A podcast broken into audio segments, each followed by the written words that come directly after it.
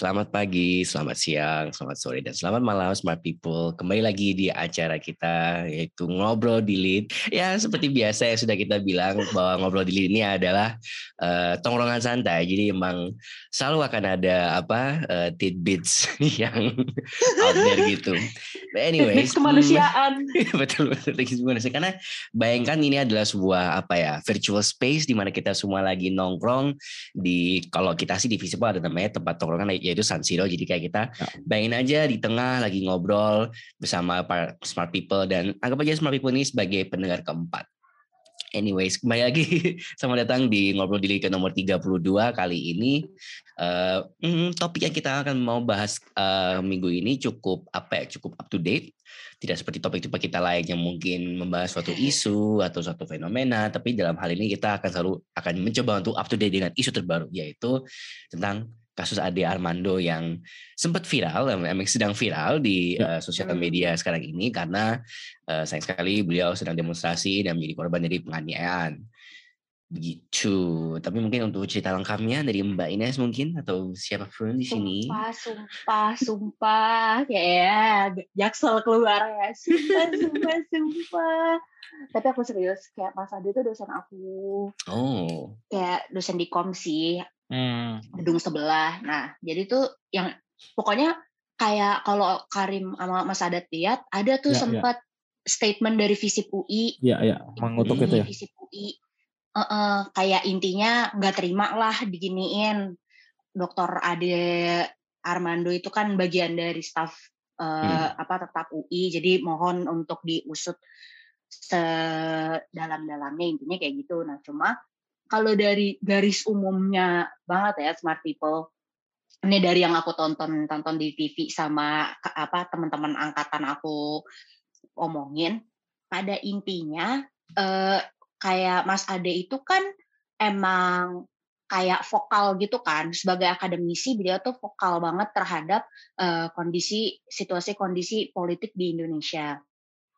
Hmm. Beliau ini emang dari awal soal demonstrasi ini uh, dia tuh setuju kalau uh, Presiden Joko Widodo tuh nggak boleh tiga periode intinya kayak gitu kan kemarin kan demonya dari awal emang topik utamanya apa hentikan tiga periode kan nah Mas ya, ya. itu merasa kalau ya ini butuh dukungan dari uh, kaum kaum intelektual dosen jadi dia di interview dia juga bilang tuh kayak dia ada di situ tuh karena itu gitu nah tapi hmm. di satu hmm. sisi lain uh, Mas Ade itu juga highly kontroversial di tempat lain gitu. Ya. Yang paling uh, apa mungkin kalau misalnya seperti people Google namanya Mas Ade itu yang keluar tuh dia suka ada pendapat-pendapat yang highly kontroversial soal ayat-ayat dan syariat-syariat Islam. Ya, ya, ya. Nah, itu kan selalu menjadi duri dalam daging kesensitifan DKKDSP-nya masyarakat Indonesia kan. Nah, jadi itu kayak aku tuh ingat pertama kali pas aku nonton itu kakakku yang UI juga hmm. bilang kayak wah gila apa gara-gara dia kontroversial ya makanya digebukin kayak gitu. Nah, hmm. cuma cuma cuma cuma yang mau kita omongin di sini bukan masalah kontroversialismenya kayak betapa kontroversialnya Mas Ade, tapi lebih ke arah experience aku dalam browsing social media di hari itu. Ya, ya. Jadi experience-nya adalah aku lagi buka Twitter. Hmm. Terus abis itu kayak aku ngeliat dong, eh di Indonesia lagi ada apa nih, gitu kan? Maklum, anak kurang up to date gitu kan, pengen hmm. lihat trending apa trending topik gitu. Ya, ya. Nah, terus tiba-tiba ngeliat ada Armando, terus aku kayak ini dosen gue, dosen UI ngapain dia? Kenapa dia trending gitu?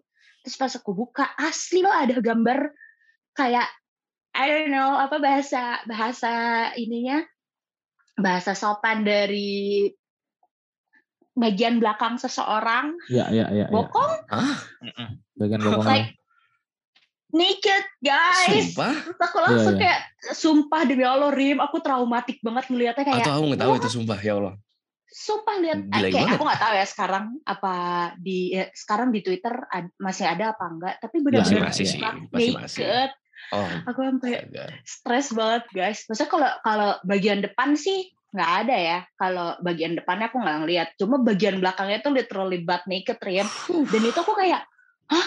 gitu terus abis itu aku scroll scroll terus ke bawah kayak mencari dong penjelasan what's going Hmm. on kenapa tiba-tiba di dosen gue ada foto dia butt naked baru Mhm. terus ini menarik juga nih aku ngeliat foto dia butt naked dulu baru di bawahnya ada foto dia yang digebukinnya Hmm. gitu terus aku kayak Astagfirullahaladzim, what's going on? Eh tiba-tiba di TV lewat kalau oh iya dia dianiaya gitu. Astaga. Aku malah nggak tahu kalau sampai separah itu kalau di apa di Twitter. Kalau yang digebukin kayaknya aku lihat. Soalnya kayaknya beberapa media online itu juga pakai foto beliau yang habis diambil gitu, yang kayak mukanya udah belur-belur gitu. Iya, itu kan iya. terpapang langsung banget kan di apa di uh, headline dan kayak jadi kayak foto utama di apa di media online, which is also concerning. Tapi kayak aku nggak tahu kalau separah itu sampai beliau ditelanjangin terus diupload juga di media sosial tuh kayak astaga, parah banget itu. Ya, Iya, iya, di iya. fotonya di Twitter kayaknya itu nggak sih eh, yang aku ngeliatnya dia cuma pakai baju atasan doang. Iya, Astaga. iya, iya. iya. Bawahannya udah nggak ada. Terus Iya kan? kayak oh my god, this is very traumatic guys. Iya, itu itu menurutku juga salah satu narasi yang langsung eh, berkembang ya. Sebenarnya saat yang bikin eh Ade Armando ini kontroversial juga kan karena dia dianggap buzzer ya. Eh, sering me- Hmm. apa apa buzzer tuh bahasa Indonesianya tuh pe, apa sih? Buzzer. Buzzer tuh Buzzer, pendengung, pendengung, pendengung, buzzer RP. Oh pendengung, bener, Buzzer oh, ada bahasa Indonesia Ada bahasa Indonesianya. Aku tanya buzzer. buzzer RP. Iya, pendengung eh, yang pro pemerintah. Beberapa kebijakan kan bahkan ketika dia bikin NG NGO Watch itu juga agak lucu itu. Eh, eh, ketika ada ICT Watch dia bikin NGO Watch untuk mengawasi para para NGO. Ini kan cukup lucu ya. Para Hmm. NGO kan fungsinya untuk mengawasi pemerintah. Banyak lah dari segala sisi itu dia dia cukup kontroversial memang. Tapi ketika dia hadir di dalam situ, bahkan ketika dia wawancara dengan eh, apa namanya, oh, apa wartawan, eh, Ade Armando ini bilang bahwa dia support mahasiswa ini.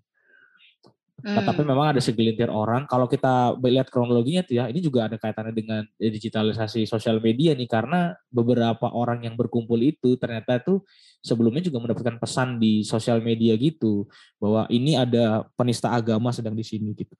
Ada foto Hmm. foto bapak gitu lagi selfie, terus di belakangnya lagi ada Ade Armando ini diwawancara sama wartawan, tapi dengan narasi itu segera Hmm. berkumpul ada penista agama di sini gitu gitulah pokoknya kalau kalian cek gitu jadi itu salah satu bentuk pemicunya eh, kenapa jadi rame di situ dan mengetahui bahwa Ade Armando ada di situ ketika awalnya sih sebenarnya kayak dia cuman kayak biasa aja gitu sama yang lainnya juga ya ya berkerumun kan orang nggak ngelihat ini siapa ini siapa Iya. gitu nah sampai pada satu ya ada ada ada ini ya mulai omongan gitu ini juga Nah, kita tahunya karena ada rentetan video-video yang ngerekam dari wartawan nih juga nih. Eh, apa ngobrol-ngobrol dari eh, apa adu mulut lah sama ibu-ibu gitu dan akhirnya tiba-tiba ada satu orang yang memang melakukan pemukulan. Terus seperti kita tahu kalau misalnya di dalam keramaian ada orang yang Iya. melakukan pemukulan itu pasti akan Ikut merembet. semua. Iya, akan merembet ke mana-mana. Itu sudah lazim sekali. Makanya kenapa dalam satu keadaan demonstrasi itu selalu dijaga jangan sampai ada provokasi karena kalau ada Benar-benar. provokasi satu kayak gitu pecah pasti. Dan Hmm. itu sering kejadian Iya. kan kenapa demonstrasi itu selalu ada hati-hati hati-hati provokasi itu karena kayak gitu kejadian. Nah, ini juga sama, kurang lebih sama. Ada satu orang yang provokasi kemudian semuanya masuk dan eh, kamera pun yang aku lihat aku cukup aku cukup menyimak ya ke- pola kejadiannya gitu. Tapi memang agak sedikit eh, ya kalau itu urusan polisi sih aneh atau tidak, tapi memang sedikit agak aneh karena kelihatannya ini bukan orang-orang yang sedang demo sebenarnya yang mukulin, Iya. maksudnya kayak orang-orang entah dari mana gitu. Iya, Eh, iya, iya. yang memang eh, akhirnya ini menjadi bahan konsumsi publik ya.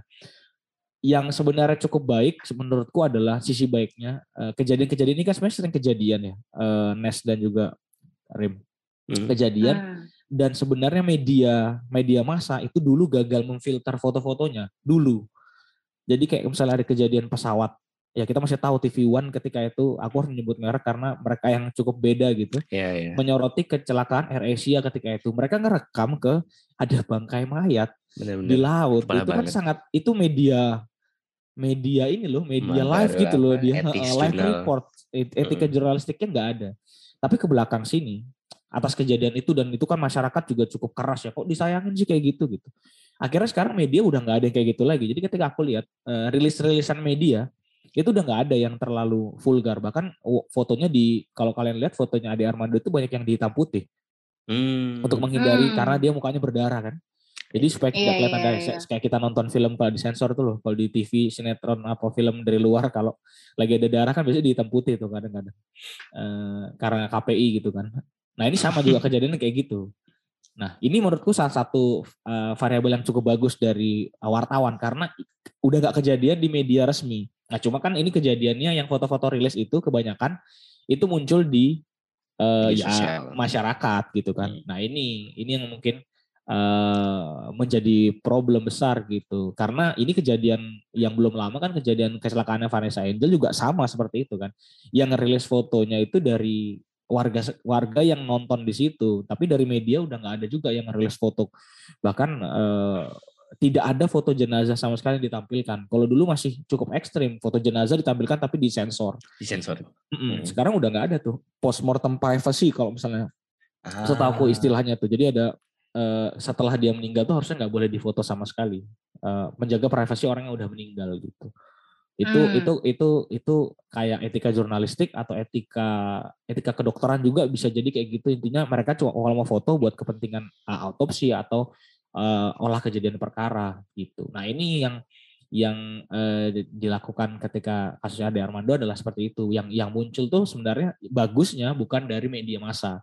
Jadi um, sebenarnya di satu sisi ya kita nggak bisa menghindari ini dari masyarakat sih karena masyarakat mungkin juga banyak yang nggak tahu. Tapi mungkin um, at least dari media yang validnya itu nggak nggak nggak ngirim lagi sih foto-foto yang kayak gitu. Karena kan kalau di repost repost gitu kan kayak ini kok media resmi kok atau media massa yang uh, dilindungi dewan pers kok kayak nggak ngerti jurnalistik hmm. gitu. Kan sayang banget ya. Tapi itu itu kejadian yang mungkin uh, kita baca dari kasusnya uh, Ade Armando sehingga um, ya benar tadi foto-foto tadi yang diceritakan oleh Ines tuh bersebaran luas di sosial hmm. media bahkan banyak yang lebih ekstrim daripada yang uh, Ines ceritakan tadi karena kan memang uh, fotonya itu cukup vulgar ya cukup terbuka dan dan lain-lain gitu tapi uh, baiknya kalau aku ngelihat dalam beberapa foto-foto tersebut kemarin ada yang sudah hilang uh, di take down di Twitter karena ini banyak tersebar di Twitter sih kalau aku ngelihat kemarin uh, ya yeah. Iya di Twitter ya. Kalau di Instagram kayaknya nggak lolos deh udah.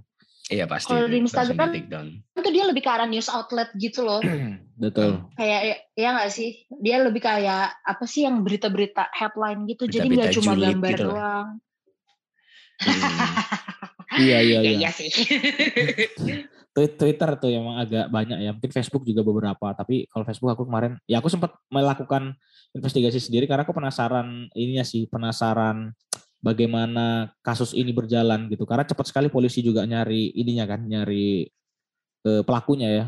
Hmm. berdasarkan uh, dulu kita pernah kita bahas sama Ines tuh ada open source intelligence ya. Jadi ngumpulin semua video-video yang ada di sekitar. Ah. itu juga menarik sebenarnya. Jadi uh, nah kalau aku sih kalau kita balik lagi ke yang foto tadi yang menurutku ini persoalan problem di masyarakat sih. Kadang mereka seneng gitu ngelihat foto-foto nggak tahu ya. Aku sih nggak seneng ya tapi ada orang kayaknya yang yang seneng gitu untuk nge-share nge-share gambar-gambar kayak gitu kenapa ya iya. nah, itu juga kayaknya gak, apa ya mungkin karena posisinya ini karena beliau ya itu rada-rada kontroversial kan jadi sudah ada semacam apa ya bad stigma atau sentimen buruk yang ada di apa ya masyarakat yang dia singgung. Jadi ketika melihat apa uh, beliau ini apa dianiaya, dilecehkan dan di apa ya dipertontonkan di masyarakat umum. Ya kemudian yang aku lihat di komentarnya sih pada pada itu juga pada apa ya bilang kalau ini ya apa ya aksi reaksi beliau apa ya, apa ya, deserve ya, gitu loh iya gitu. benar-benar bapakku kan juga apa ya kan biasalah bapakku kan bikin apa status Facebook itu kan ngomongin ini kayak dia condemn violence gitu tapi komentarnya tuh bener-bener ya Allah itu bener-bener bikin kayak apa ya gut wrenching itu loh. Kayak orang bilang kayak ya tapi kan dia sendiri yang provokasi. Gitu gitu kan dia yang mulai gitu gitu iya, iya, dan, dan iya. itu kayak ya apa ya yang ngomong itu kayak apa ya orang-orang yang udah S2, S3 yang udah-udah berpendidikan. Tapi kayak bro mindset apa ini bro? Ada yang bilang ya karena dia buzzer gitu-gitu. Ya salahnya dia nantang emak-emak. Berarti kan ada apa ya ada semacam uh, rasa apa ya rasa pantasan bahwa beliau ini tuh apa ya pantas untuk mendapatkan ini tapi enggak ya enggak juga gitu loh kayak no, no matter what kayak it is violence gitu loh violence is never apa ya never the solution gitu dan apa ya dan apakah ini dampaknya dari karena ini sudah hal yang ternormalisasi sendiri kayak ya, mungkin ya, aja ya, ya. root causesnya karena kita udah sering banget nih lihat orang-orang yang kayak dapat just dessertsnya gitu loh kayak apa ya hmm. film-film juga biasanya kan apa ya kadang-kadang di TikTok itu loh aku kan sering apa ya ada kayak ada kayak cuplikan video-video kayak si pembuli yang kemudian apa dibalas oleh yang dibully gitu gitu yeah. itu kan kayak merasa kayak wah ini ini keren. seru nih keren yeah. gitu kan eh ada semacam rasa apa ya hormonal response kayak wow gitu loh. M mungkin ini apa ya yang dirasakan sama oleh apa oleh masyarakat apa ya masyarakat yang ada di sisi yang tidak suka dengan beliau kayak mungkin yeah, mereka yeah, yeah. kayak wah ini ada apa ya ada rush of adrenaline yang dirasakan oleh mereka dan bilang kayak wah ini keren banget nih diterusin yeah. nih atau apa gitu itu parah sih parah iya, banget menurutku ini juga ini sih eh, kalau kita kalau kita ngeliat lebih jauh ya dalam kasus yang bagaimana masyarakat kita menanggapi atau merespon seperti ini ya maksudnya ini kan perbedaan pendapat ya sebenarnya ya kan hmm. kalau kita bilang perbedaan pendapat yeah. lah meskipun ini uh, banyak yang menganggap ini penistaan agama lah atau ini melecehkan satu inilah apalah segala macam tapi yang dilakukan oleh uh, Bang Ade ini kan Bang Ade Armando ini kan sebenarnya bagian dari perbedaan pendapat gitu nah uh, aku nggak tahu ini bisa disamakan atau enggak tapi belum lama kan juga kejadian di di ini kan di Oscar kan ketika Will Smith juga naik ah, karena iya, di iya. roasting oh, istri. Iya, iya. Ini kan juga sama, kurang lebih kejadiannya sama kan. Dia ini suka maksudnya si si ini kan maksudnya via via audio gitu, via jokes ya. Uh, uh, dalam tanda kutip menyerangnya gitu. Bagi sebagian orang di Amerika, kasus itu yang salah adalah Will Smith karena nggak gimana pun yeah. ceritanya pemukulan tuh nggak boleh terjadi karena yeah, dia kalau yeah. mau balas mungkin yang bisa dimaklumi ketika dia maki-maki yang di terakhir tuh tapi pemukulan di mana pun nggak bisa dicari tapi kasus itu ketika dibawa ke Indonesia kan banyak yang membelain Will Smith kan? Daripada Chris Rock. Yeah. kalau saya sih kalau istri saya di ini saya pasti akan maju. Saya, saya yeah, yeah, nah ini bener, berarti bener, bener. memang ada budaya yang berbeda menurutku. Ada ada apa namanya ya? Ya ya hal yang yang normalisasi tadi lah. Termasuk salah satunya ketika kita nge-share uh, konten-konten yang kekerasan seperti ini gitu. Uh, bagi sebagian orang tuh ini bagian dari ini loh. Aku pengen nampilin bahwa nih aku berhasil. Uh, hmm. Nih orang ini nih dengan pasti dengan caption-caption lah, dengan bumbu-bumbu lah. Aku lihat banyak banget tuh di Twitter dengan akhirnya ini orang ini di di azab berkah Ramadan. ada ada yang nulis berkah Ramadan dong. Itu gimana coba? Itu parah banget sih. Masa orang digebukin udah mau mati, Ramadan. itu terus berkah Ramadan. Ini kan agak ngawur ya. Maksudnya gimana sih pemikiran orang-orang ini? Agak iya, iya, iya. agak agak kacau gitu menurutku. Jadi jadi normalisasi karena ya inilah bentuk lah apa efek politik yang panjang jadinya melahirkan kebencian-kebencian yang yang sifatnya tuh udah ngeri banget menurutku kalau sampai hmm. sampai kayak gini ya ini menurutku uh, sangat mengerikan gitu uh, kebenciannya gitu. Iya, iya, iya. Karena sampai dan, mukul dan itu kalau nggak uh, ada polisi dugaannya dugaannya Bang Ade bisa mati sebenarnya. Uh, Karena dikeroyok beneran habis wow. dikeroyok. Dikeroyok beneran ya, dikeroyok uh, gitu. Apa ya dan menurutku itu apa ya gimana ya kalau misalnya yang yang bikin aku heran tuh kayak aku kalau misalnya lihat fotonya aja ini ini bahkan fotonya beliau cuma belur aja nih bukan video apa bukan foto yang kayak full yang seperti di sama Mbak Ines tadi itu udah merasa jijik itu loh dalam arti ya bukan kepada beliaunya tapi maksudku kayak the fact that this happened to someone dan kayak sampai berdarah itu aku masa kayak apa itu loh kayak kenapa orang itu normal dalam arti kayak tidak merasa apa ya tidak merasa sesuatu melihat apa ya well, kecuali masa itu sih masa apa ya merasa seneng gitu kan itu kan beda lagi. Tapi yang maksudnya merasa jijik itu loh dalam arti kayak ini ini ini kasus orang berdarah mukanya udah bak belur apa mukanya berantakan dan sebagainya. Kenapa nggak muncul rasa iba atau rasa kayak kasihan atau mungkin rasa kayak jijik? Dalam arti kayak kenapa justru orang itu malah merasa ini hal yang biasa. Dalam arti kayak udah ini biasa di share lagi dicari lagi informasinya yang lebih banyak. Malah makin apa ya makin apa ya kalau menurut kayak nggak merasa apa ya apa bahasa Indonesia kayak tidak dia Apa tidak itu? merasa tidak merasa Kasian. apa ya iya tidak merasa kasihan tuh loh kayak bener-bener Iya, apa iya. ya feelingsnya itu udah kayak apa ya mungkin orang bilang bilangnya kayak mungkin dia udah apa ya kulit tebal dalam arti kayak udah Iya. biasa tuh lihat kayak gini tapi kayak Iya. it's not maksudku kayak jangan jadikan hal ini seperti hal yang biasa gitu loh Iya, Kak, karena itu juga menimbulkan ini kan ya sebenarnya traumatik buat kita yang ngelihat ya. Aku aku pernah Mm-mm. kejadian eh, masih ingat Air Asia yang jatuh dulu hilang di Surabaya Pangkal Pinang atau apa aku lupa 2015 kalau nggak salah atau 2014 kalau nggak salah. Hmm. Jadi nah, yang yang aku bilang tadi cerita eh, TV One menyiarkan live eh, ada jenazah-jenazah yang di apa mengambang itu tadi. Itu Oh kasusnya iya iya iya iya. 2014 kalau nggak salah. Nah itu aku kebetulan eh, mau keluar eh, ke luar negeri ke India kalau nggak salah atau ke Malaysia dengan naik Air Asia juga nah dari Oh. Jogja.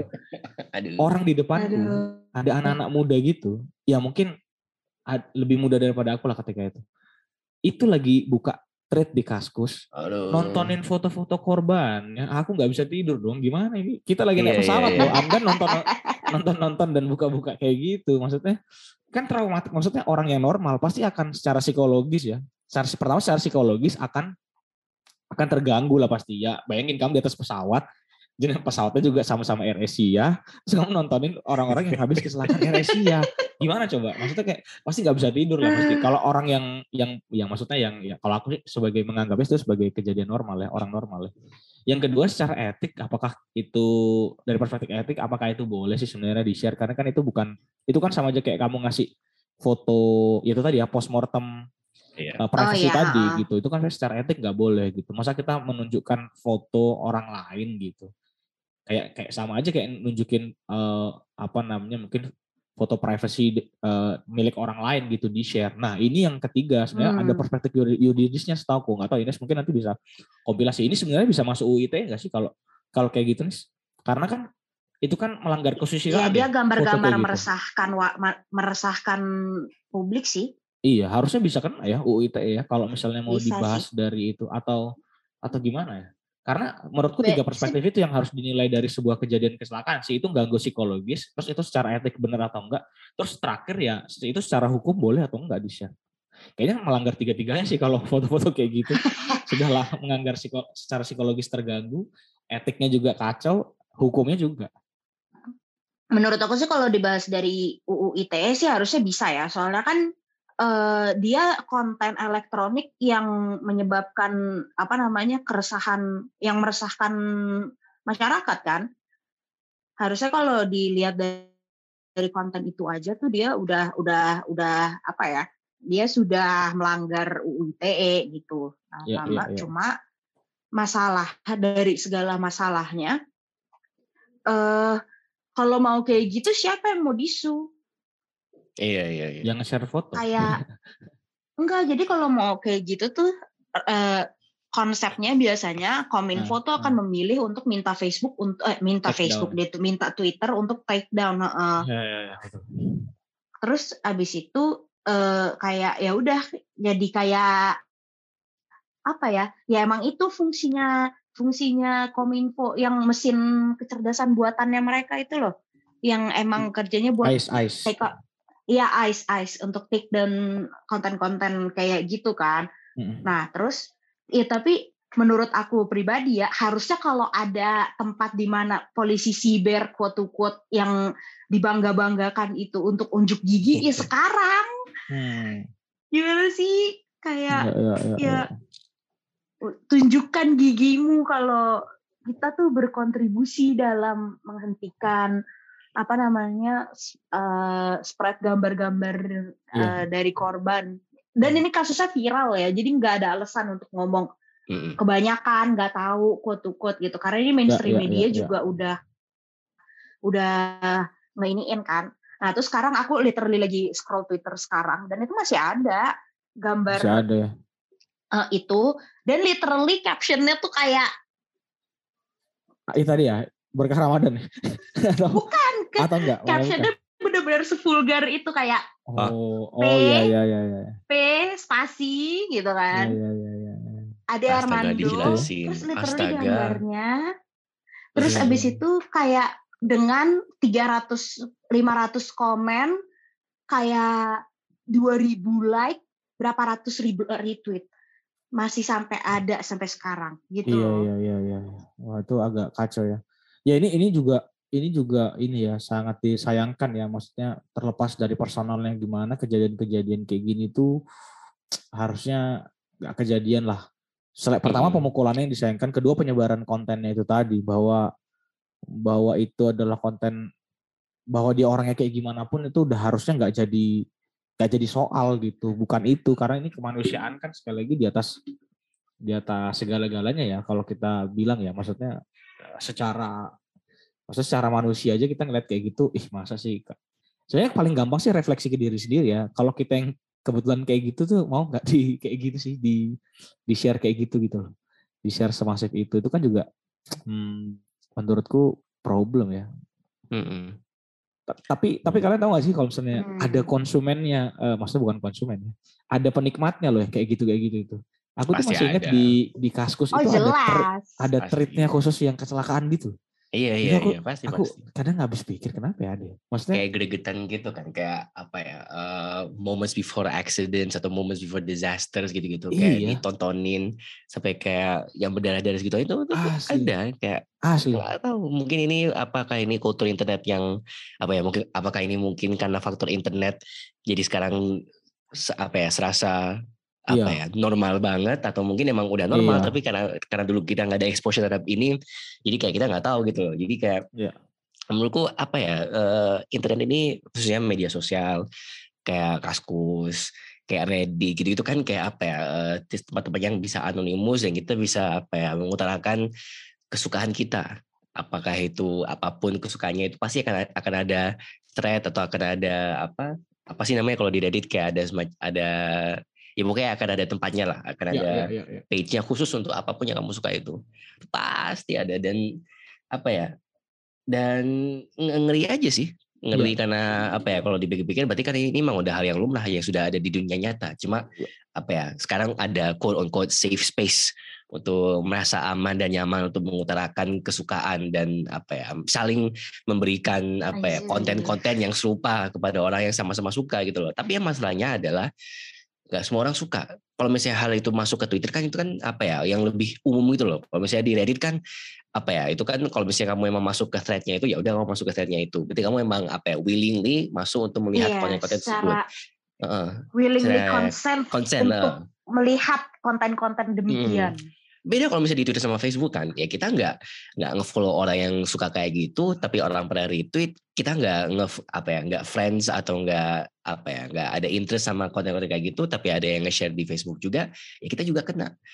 Makanya untung ya seperti Mas Ada bilang kayak ya udah media apa media mainstream media yang udah resmi kalau media resmi itu udah apa ya udah ada filternya udah nggak kayak dulu. Ya. Ya, tapi ya, sosial media ini bos yang nggak ada filternya bos. Nggak ya. akan udah ada filternya ini bos. Sulit sulit sulit sulit. Dan jejak mau, jadi pasti ada gitu loh. Mau ada ya. take down berapa kali pun juga masih akan ada apa ya ya tumbang satu tumbuh seribu loh istilahnya. Pasti ya. ada ya dan jejak digital kan nggak bisa dihapus ya. Kalau udah masuk udah, tuh, udah, Aduh. udah susah sekali ya untuk hilang what goes in the internet stays in the internet.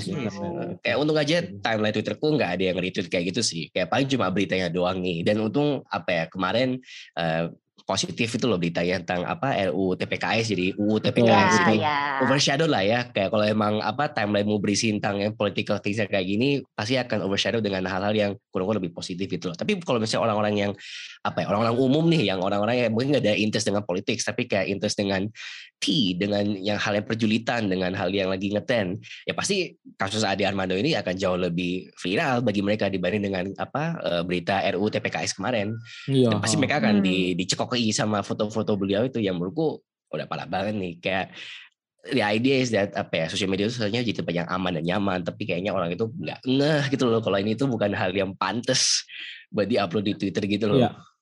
Tapi sebenarnya ini ya ini sih. menurut menurutmu nih eh, apa namanya ini tanggung jawab siapa ya kalau konten ini udah tersebar ya? Apakah maksudnya di luar di luar daripada ini kan aku nggak tahu pemerintah seberapa filteringnya seberapa kuat ya memberikan regulasi hmm. filtering untuk konten-konten yang kayak gini. Karena kan ini juga selain uh, ini ini ini kesusilaan ya kalau tadi kita bilang. Iya. Ini juga bagian dari uh, apa ya? Ya aku nggak tahu bisa dikujang sebut pencemaran nama baik atau apa segala macam gitu. Karena personal banget kan kalau yang kasus ini. Nah, kalau Ines ngelihatnya gimana? Kalau kalau kasus kayak gini tuh sebenarnya apa yang bisa dilakukan? Apa yang bisa harusnya masyarakat lakukan atau apa yang harus dilakukan oleh platform gitu? Apa yang harus dilakukan ya jangan digebukin. itu kan itu kan sumbernya awalnya. Saya kalau udah ter, terlanjur tersebar di sosial media gitu misalnya. Ya pasti multi stakeholder sih kayak nothing in internet is not multi stakeholder menurutku kayak kalau misalnya uh, menurut aku peran tertinggi sebenarnya dipegang sama platform sih Ya. Harusnya kalau dia udah punya teknologi, ada tuh apa sih yang yang bisa ngelihat gambarnya? Apa? Eh, Kayak apa sih? Iya, ada jadi kalau misalnya kita download uh, kalau kita upload foto di Instagram, hmm. terus belum bukan kalau belum nge-load ada ada teksnya. Oh. Ada misalnya kayak gambar sunset, ada tulisannya yeah, kayak yeah. picture yeah, yeah, of sunset, bla bla bla bla.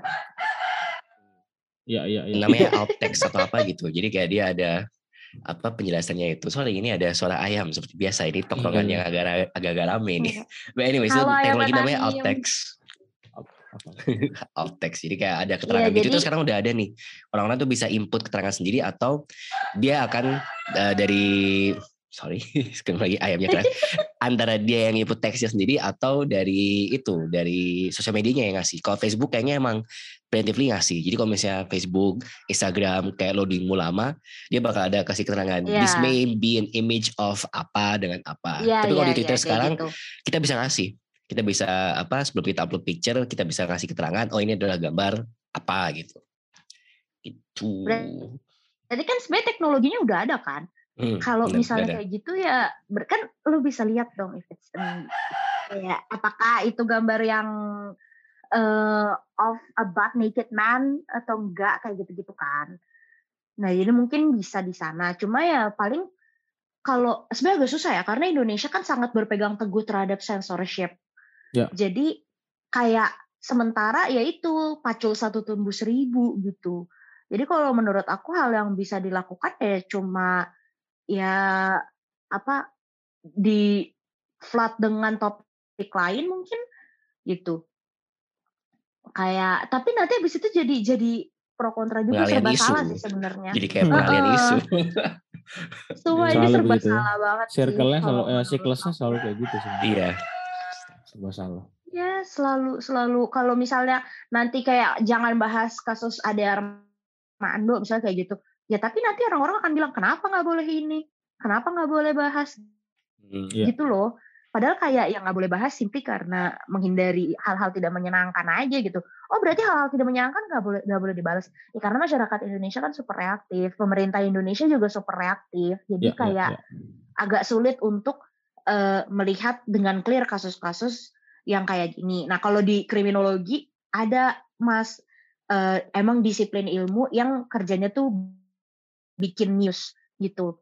Jadi kalau bagaimana sih cara memberitakan suatu berita pelanggaran atau kejahatan yang terjadi kayak gitu. Nah, kalau di sana tuh lebih ke arah kayak state the facts, no pictures. Kalaupun ada pictures tuh kayak yang apa ya, kayak ya fotografi kan sebenarnya artistry juga ya.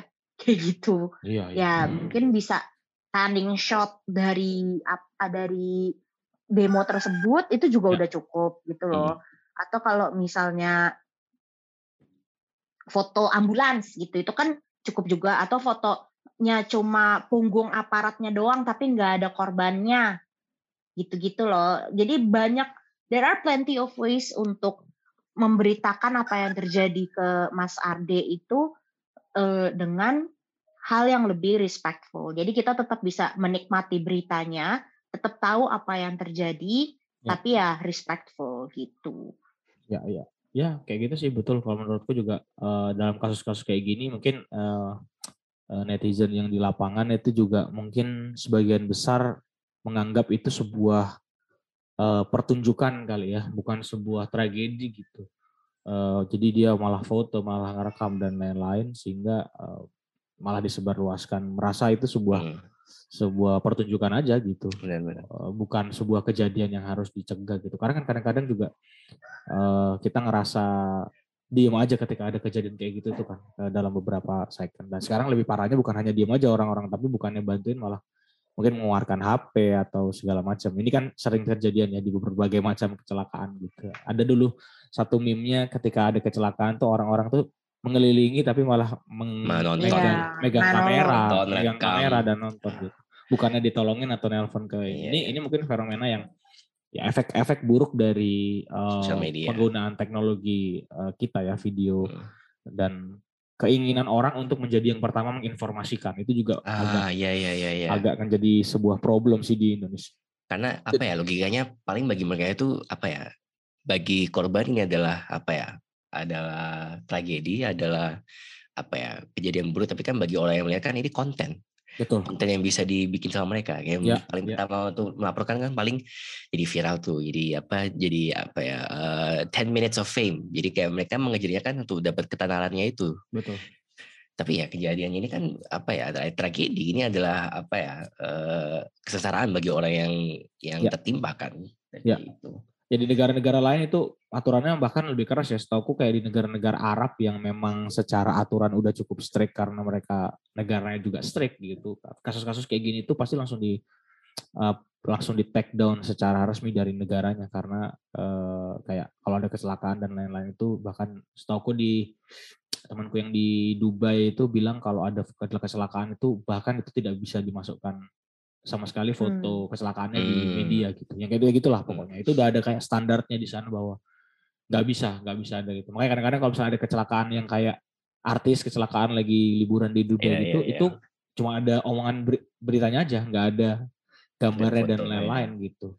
Cuma Hmm, pasti kan ada satu dua orang Iya, yang yang nyempilkan gambar misalnya eh, hmm, sempat apa sempat nyimpen dan lain-lain. Tapi ya itu nggak bisa eh, sulit, sulit sekali. Mungkin menurutku ini pelajaran dari bagi kita bahwa kejadian kah- yang eh, kasusnya Ade Armando ini menjadi kasus yang terakhir ya harapan kita nggak nggak nggak ada lagi Amin. pertama nggak ada lagi pemukulan dan penganiayaan seperti ini. Yang kedua juga tidak di tidak disebarluaskan lah konten-konten kejadiannya gitu karena sangat hmm. mengganggu eh, apa ya eh, psikologis itu kedua tidak etis dan bahkan Hmm. mungkin ada konsekuensi hukum sebenarnya bagi teman-teman yang mungkin ikut nge-share gitu pasti pasti eh, konten-konten kayak gini karena Hmm. ya ini konten yang yang inilah konten yang menurutku nggak nggak layak lah di kita, kalaupun kita juga nikmatin. kalaupun juga nyari konten apa ya kalaupun juga ada orang yang kayak apa ya ingin cari konten untuk apa beritakan demo ini tuh ada seribu satu konten lain selain apa foto-foto Ade Armando itu loh masih ada banyak apa hal yang bisa diberitakan dari demonstrasi kemarin daripada betul apa ya betul apa of course itu harus diberitakan Ya. tapi bukan berarti disiarkan gambar-gambarnya itu loh kalau mau Ya, menyiarkan ya, ya. gambar-gambar yang lain ada Ya. tuh yang lain banyak banyak poster-poster yang cringe itu yang dibawa sama mahasiswa itu juga bisa deh jadi berita itu tuh ya, ya, ada aku hal itu. aspek lain itu loh Ya, malah ya. yang dipertontonkan yang di Ya, apa jadi- yang dinaikkan malah yang yang parah Over- ini overshadowing ya jadinya jadi Hmm. dari Bener, bener, bener. jadi jadi nggak masuk kembali lagi itu. makanya tiap kali ada suatu kasus besar kan respons masyarakat Indonesia adalah wah ini pengalihan isu nih Iya, pengalihan iya, isu nih iya. pengalihan isu Hmm. Apa ya that, that's the whole thing about apa Indonesian political culture dan apa skema dengan media sosial sekarang kayak ya kita nggak tahu mana yang benar gitu loh tapi at the very least kita tahu ini nggak benar betul loh. Fakta Iya. bahwa beliau digebukin sampai dipertontonkan sampai ditelanjangi sampai Iya, semua foto yang seperti itu udah udah nggak benar itu. iya iya iya Terlepas dari apakah ini pengalihan isu, apakah ini apalah atau apakah ini apa eh, all stage atau apalah bodoh amat. Masalahnya ini udah menanah ke dalam kekerasan dan itu udah salah. Iya, iya, iya. Ya kalau kekerasan mungkin bisa pindah ke ring tinju aja. Sekarang kan banyak itu yang ngadain pertarungan-pertarungan tinju. Ya itu, ah, itu apa lagi itu nah, fenomena apa lagi itu itu nggak jelas itu astaga. Aduh. Iya kayak gitu. Emang sudah apa ya media sosial yang kita kenal sekarang ini memang sudah jauh berbeda dengan apa yang kita kenal bahkan dengan yang seminggu yang lalu bahkan. Ini- everything is Iya, happening benar. so fast. Kayak tahu-tahu apa ya Well, kembali lagi mungkin takeaway yang ingin aku kasih kepada smart people adalah kita harus apa ya pintar dalam memilih dan memilah informasi yang kita terima. Kayak apa ya untungnya akses kita kepada internet dan media sosial itu unlimited ya mungkin limited dengan kota maupun wifi gitu lah ya. Tapi Ya. maksudku itu adalah kita bebas bisa mencari informasi apa pun, di mana pun, kapan pun, dari sumber mana pun. Tapi itu adalah sebuah apa ya? eh, pro dan cons gitu loh. Dalam arti, wah ini sebuah apa ya? Kapan lagi dari dari dulu kalau misalnya orang mau cari informasi, mau cari ilmu harus kuliah. Sekarang counter argumennya adalah ya sebenarnya nggak usah harus kuliah karena kita bisa dapatkan ilmunya semua dari internet. Tapi at the same time bukan berarti kita bisa atau atau bahkan memiliki skill untuk memilih dan memilah informasi yang kita terima. Gitu. Dan kayaknya kasus dalam Adi Armando dan beberapa kasus penyebaran foto-foto tidak senonoh ini itu adalah salah satu bukti bahwa orang-orang ini emang tidak bisa memilih mau memilah. Mereka cuma ngambil aja nih konten apa eh, konten yang sedang ngetrend dan mereka kemudian share Ya. ke teman-temannya. Tanpa tidak Iya. tidak memberikan kayak apakah ini ap- apakah ini oke sebagai konten? Apakah ini akan memiliki dampak yang buruk sebagai konten? Enggak mereka cuma mikir wah ini lagi viral nih lagi ngetrend. Mungkin di TikTok biasalah masuk FYP langsung di share Twitter lagi banyak viral apa tweetsnya ada berapa ratus ribu likes langsung di share without thinking of the consequences yang menurutku itu adalah suatu kemunduran dari media Ya, ya. sosial dan apa pola berinternet. Kayak teknologi yang udah maju tapi kok malah perilaku manusianya yang semakin mundur ini. Betul. Hmm. sedih sih. Sebuah apa ya Sedih sih, sedih jangan jangan di bulan Ramadan. Iya, tapi kayak bulan Ramadan tuh adalah suatu hal yang ibu aku juga ngomong kayak, ya Allah Nes kok bisa ya, ini kan lagi Ramadan, apakah mereka nggak iya. puasa?